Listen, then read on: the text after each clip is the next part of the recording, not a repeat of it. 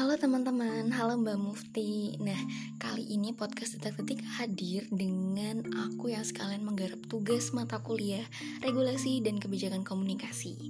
Jadi kali ini aku membahas tentang regulasi dan kebijakan media cetak saat era penjajahan Nah, salah satu konsep yang membuat aku tertarik yaitu Hatsai Artikelen. Hatsai Artikelen ini adalah aturan yang ditetapkan oleh pemerintah Belanda yang memuat ancaman sanksi pidana bagi mereka yang menyatakan perasaan penghinaan, kebencian, permusuhan kepada pemerintah atau golongan-golongan tertentu di dalam negara.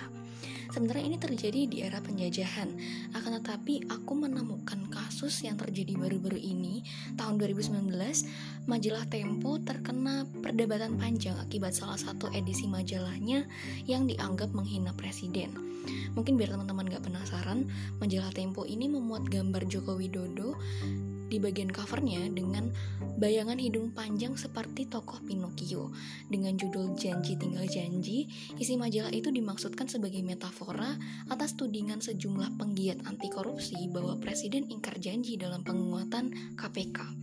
Sebenarnya kalau melihat kasus ini, pemerintah tidak semata-mata turun tangan, tapi antek-anteknya dalam alias pendukung fanatik Joko Widodo ini murka dan menuntut majalah Tempo atas tuduhan penghinaan kepala negara. Di sini poin yang mau aku tekankan, majalah Tempo ini bukan bermaksud untuk menghina karena ini aku sudah riset sebelumnya. Dan lagi pula yang di, yang hidungnya dipanjangkan ini adalah bayangannya, bukan sosok Presiden Jokowi itu sendiri. Ini merepresentasikan kekecewaan publik terkait janji presiden yang dikemukakan sejak awal tapi hasilnya nihil. Justru bayangan dengan hidung panjang ini seharusnya bisa menjadi cerminan agar kemudian pemerintah bisa memperbaiki sistem yang sudah rusak tersebut.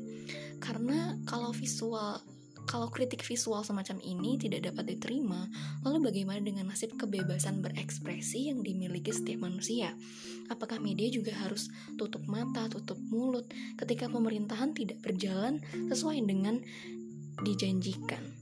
Karena kalau saya lihat dari kacamata kritis, pendukung Jokowi ini bisa saja dikonstruksi dan dibuat seolah-olah mereka membela. Padahal sebenarnya merupakan suruhan dari atas. Nah, kalau argumen ini memang subjektif murni dari pendapat saya pribadi karena saya percaya bahwa di dunia ini nggak ada yang namanya kebetulan semua pasti sudah direncanakan oleh yang berkuasa atau paling tidak mereka yang memiliki alat-alat produksi mungkin begitu pendapat dari saya mengenai regulasi dan kebijakan komunikasi media cetak era penjajahan. Sekian dari saya terima kasih